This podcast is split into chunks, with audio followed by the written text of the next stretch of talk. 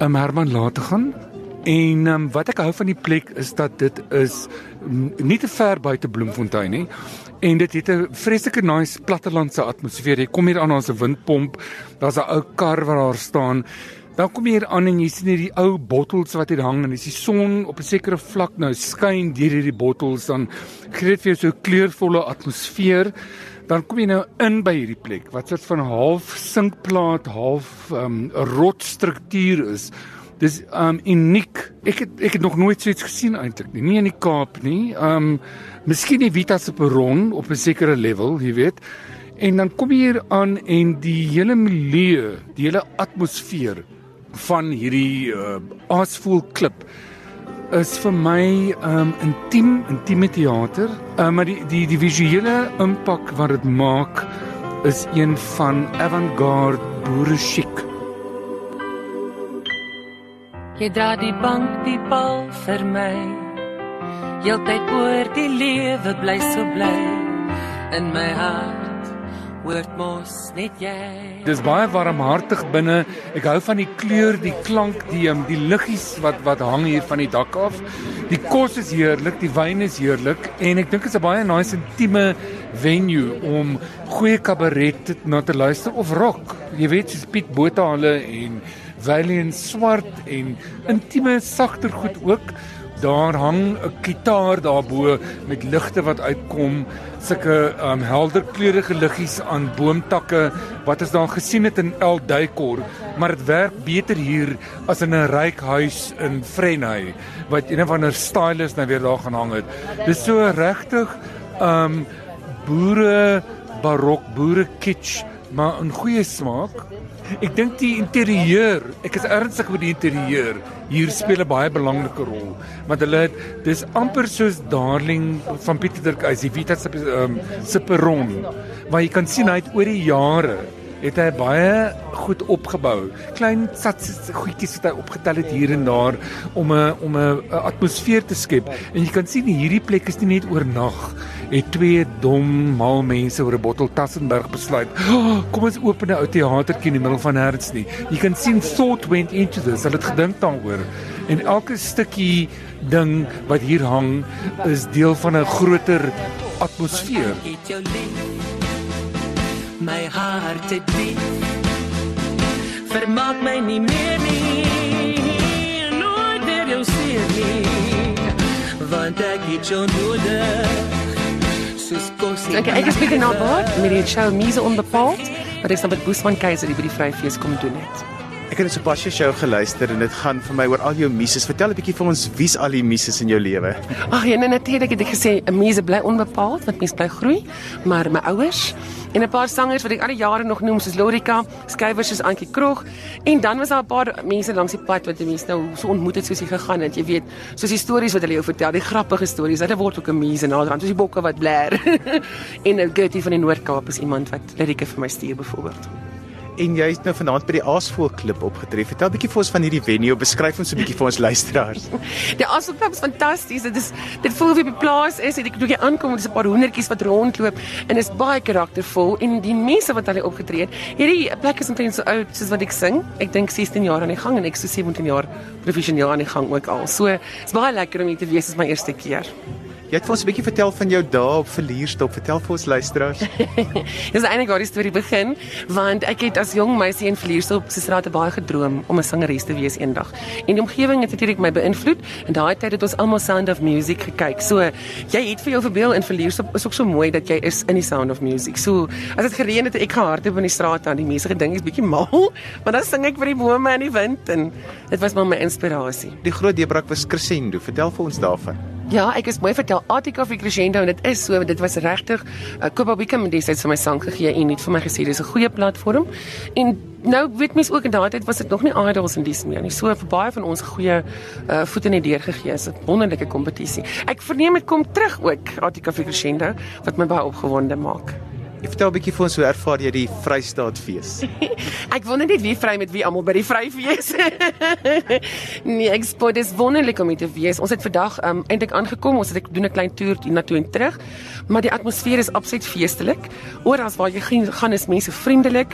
Um, die kampus loop oor van mense. Hier's honderde vertonings en ek dis my eerste keer wat ek eintlik hier kom kuier en dit is regtig vir my baie goeie ervaring sover.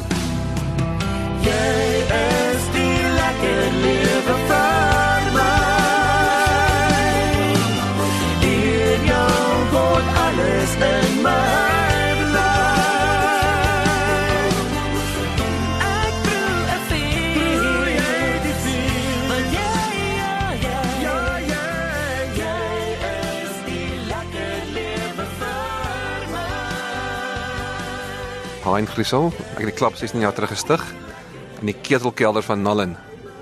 Uh so ons was 8 jaar ondergronds gewees. En toe 8 jaar terug het ons hierdie plek gebou. En dis die Alfa Klub bo-gronds.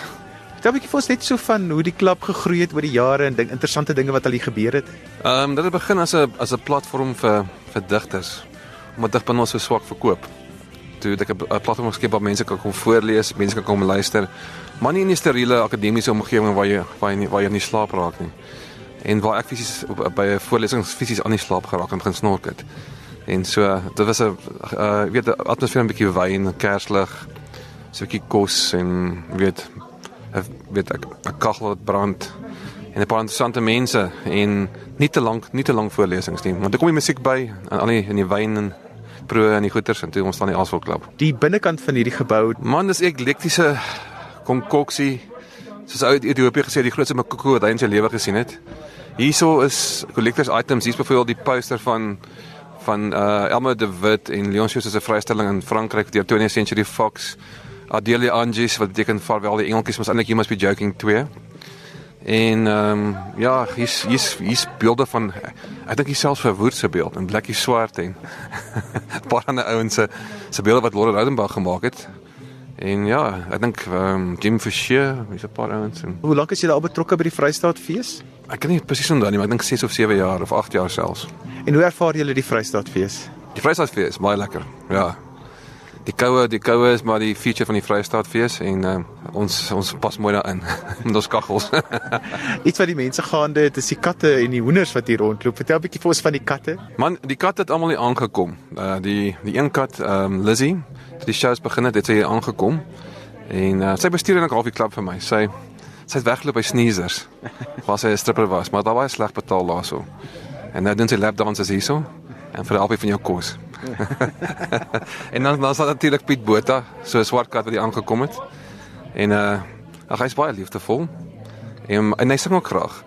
hy mel baie baie hard as sy ma nie is nie. Ek is Angelo Mokki, ek is co-director van die uh Fringe by die Vrystaat Kunstefees.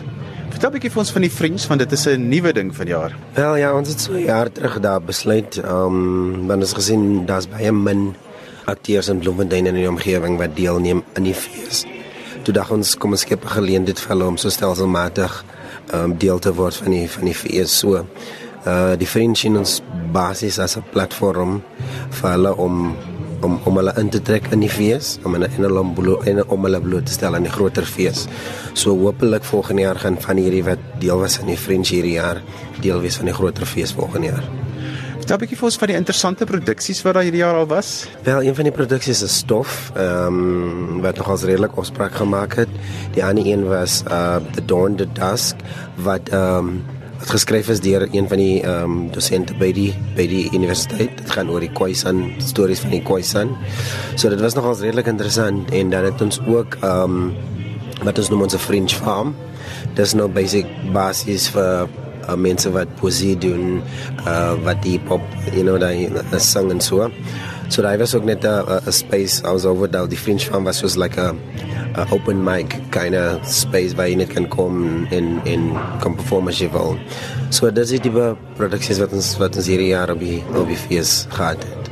Wat was die terugvoer wat julle gekry het van gehore af? Wel, ehm um, soos met die Khoisan produksie, daar was baie daar was baie goeie terugvoer gekry omdat dit 'n nuwe werkskeping was en stof ook wat uh, van van van die studente studente van die Universiteit van die Vrystaat. So dit was goed vir mense om te sien dat you know uh, ons studente hulle eie werk skep en dat dit van 'n redelike hoë gehalte is. Want gewoonlik neem mense mos maar aan dat studente redelik uh, mediocre as ek die woord mag gebruik werk op die planke bring, maar die mense was nogals baie gaande oor dit wat hulle wat hulle mee vorendag gekom het.